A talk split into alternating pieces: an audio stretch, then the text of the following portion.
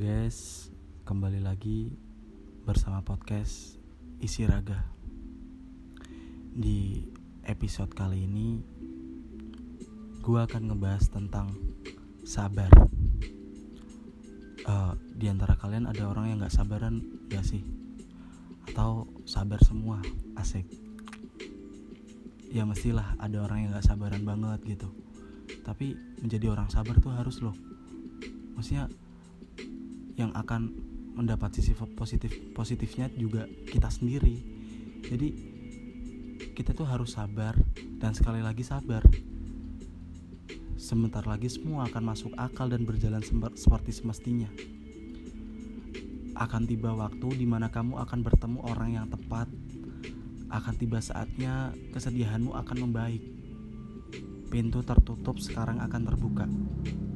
Hubungan baru akan berkembang Tujuan akan tercapai dan doa akan dijawab. Semua akan membaik.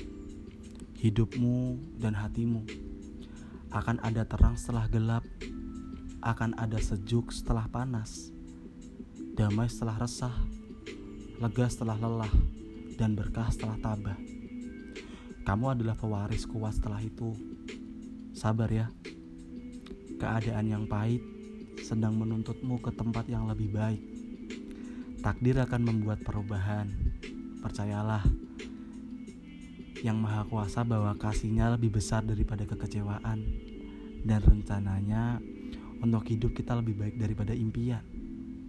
Kedamaianmu sekuat imanmu, kebahagiaanmu sebaik hatimu dan hidupmu, sebaik pola pikirmu, semua kembali kepada dirimu.